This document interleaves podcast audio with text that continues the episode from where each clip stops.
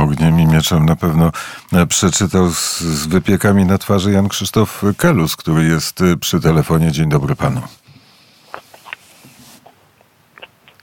Kto, który jest e, przy telefonie i to słyszymy, tylko, tylko jeszcze nie mamy tego z drugiej strony stwierdzenia. Tak, dzień dobry. Dzień dobry panu. Dzień dobry, witam.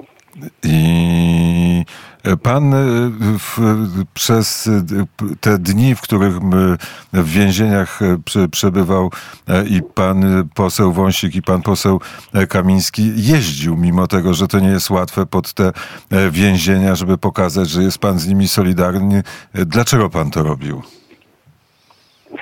Bez przyzwyczajenia no mamy jakby taki nawyk, imperatyw, że jak się dzieje coś, co mnie na tyle poruszy, żebym, żebym zrezygnować ze swojej ulubionej prywatności, no, no to się z tego od ludzi wyrywam i, i gdzieś tam pokazuję.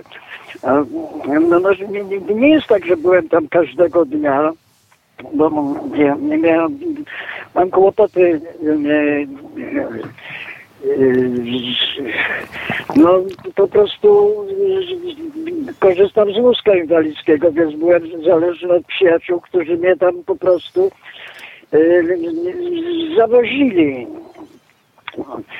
Ale to było dla mnie bardzo, bardzo dobre doświadczenie.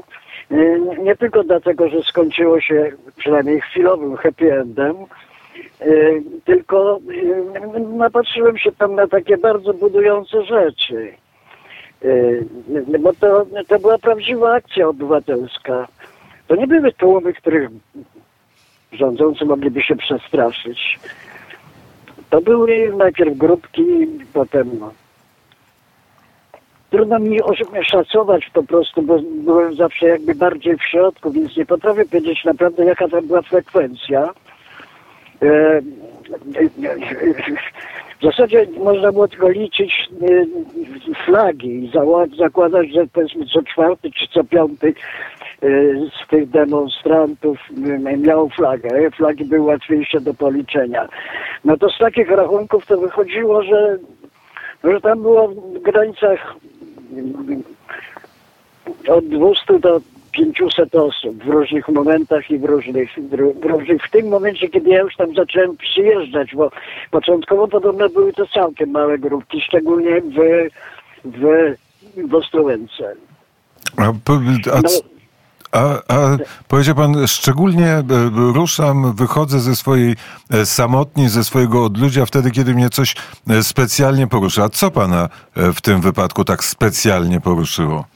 No wie pan, no to się trudno, przecież trudno mówić o oczywistościach. No, no, przez długi czas człowiekowi się wydawało, że żyje w normalnym, europejskim, demokratycznym kraju, w którym jakaś ekipa traci władzę w drodze y, demokratycznych wyborów. No i, i, i nagle następna ekipa zaczyna po prostu swoje sprawowania rządów od aresztowań e, e, ministrów rządu poprzedniego. No to, to się dzieje w huntach no po prostu, albo w całkiem brudnych dyktaturach i, naprawdę można było się przerazić, że to jest no może jeszcze nie dyktatura, ale ścieżka, która równym, równym krokiem może doprowadzić rządzących do dyktatury. Szymon bardzo, bardzo pięknie o tym zresztą napisał e, może powiedział e, w klubie jagiellońskim Jan Maria Rokita, e, że, no, to były dwa takie, no ja przytaczam nie swoje, nie swoje sformułowania, bo to rzadka sytuacja, kiedy po prostu trafność czyjejś, czyjejś diagnozy sytuacji na tyle mnie poruszyła, że skłonny jestem właśnie ją, ją przytoczyć. Y, to y, no te dwa wynalazki właśnie rządu Tuska. Po pierwsze, że robi się elementy stanu wyjątkowego bez jego wypowiedzenia. No i drugi element, podkreślony przez y, pana Jana Rokitę, to sytuacja, w której twierdzi się, że są inaczej. Zdaniem, zdaniem e, Jana Rokity nie było sytuacji razem z denazyfikacją Niemiec, kiedy przywracanie praworządności, przy, przyprowadzaniu, przy przywracaniu praworządności posługiwano się argumentem, że sądy w tym okresie niby niepraworządnym nie są sądami. No, taki, taki, takiego wypadku w ogóle nie było we współczesnych dziejach Europy. No, no, no, no, no, I to były rzeczy, które mogły czeka naprawdę wypłoszyć z tego mojego e, schronienia pod. I... No dobra, ale i doprowadzisz do tego, i doprowadzisz do tego, że e, spędzał pan godziny przed więzieniem w Ostrołęce albo e, więzieniem E, w Radomiu. E, Posło... No bardzo to, ale to, była, to była bardzo no, ciekawe doświadczenie. E, był no, często wręcz wzruszające, bo po prostu spotykałem tam ludzi, którzy, no, których zabraliśmy do samochodu, starszych ludzi, którzy przyjechali 120 kilometrów jakimiś rozstawnymi autobusami. I wędrowali do, tej, do tego autobusu w, w, w, w padającym deszczu ze śniegiem. No, no, no to, tam w zasadzie nie było jakiejś organizacji, żeby, żeby to robił jakiś, nie wiem, jakiś komitet, żeby to były jakieś agendy partyjne, które robiło. No, pojawiali się posłowie, yy, którzy no pewnie trochę z obowiązku. Bardzo różnie niektórzy mówili krótko i z sensem. Niektórzy zanudzali tych ludzi, bo ci ludzie świetnie znali sytuację. Byli naprawdę bardzo dobrze zorientowani. To nie byli po prostu jacyś ludzie, którzy się przypadkowo tam znaleźli.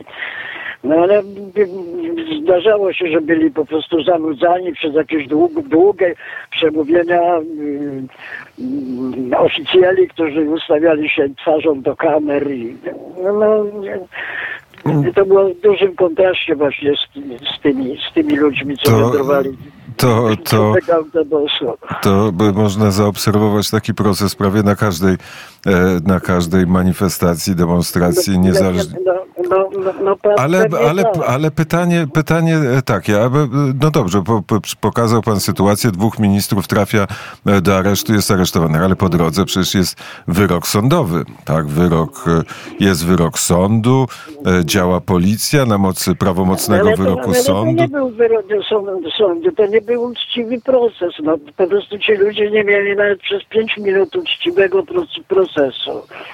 No, no przecież prokurator w tym pierwszym procesie w 2015 roku, bo przypominam, że to się przeciągnie od roku 2007. No to to już jest, nie wiem, 16, 16 lat. No. Już mało kto w ogóle o tym pamięta, a, a manipulacja jest y, formuła, którą wielokrotnie spotykałem w, w, środkach masowej komunikacji, że, że, że nadużycia w, w, w aferze gruntowej. No, no tak jakby oni coś ukradli. No. No ale przecież w tym pierwszym procesie prokurator żądał roku, roku więzienia i nadgorliwy po prostu y, y, sędzia Łączewski, który potem po prostu musiał zrezygnować w zasadzie z zawodu, bo się skompromitował, bo, bo pokazując, trudno było pokazać bardziej brak obiektywizmu. No, no, no, nie wiem, no, od czasów rzymskich, no, jeśli czegokolwiek wymagamy od sądów, to obiektywizmu i nie, braku stronniczości. Znaczy oni nie mieli nigdy, przez pięć minut nie mieli uczciwego procesu. I co dalej? I co dalej? No, no dalej. Dalej będzie przepychanka, czy są posłami, czy nie są posłami. No, jak, jak wiadomo, pra, pra, prawnicy skłonni są udowodnić wszystko, w zależności od po prostu punktu widzenia, siedzenia i, e, i apetytów. No,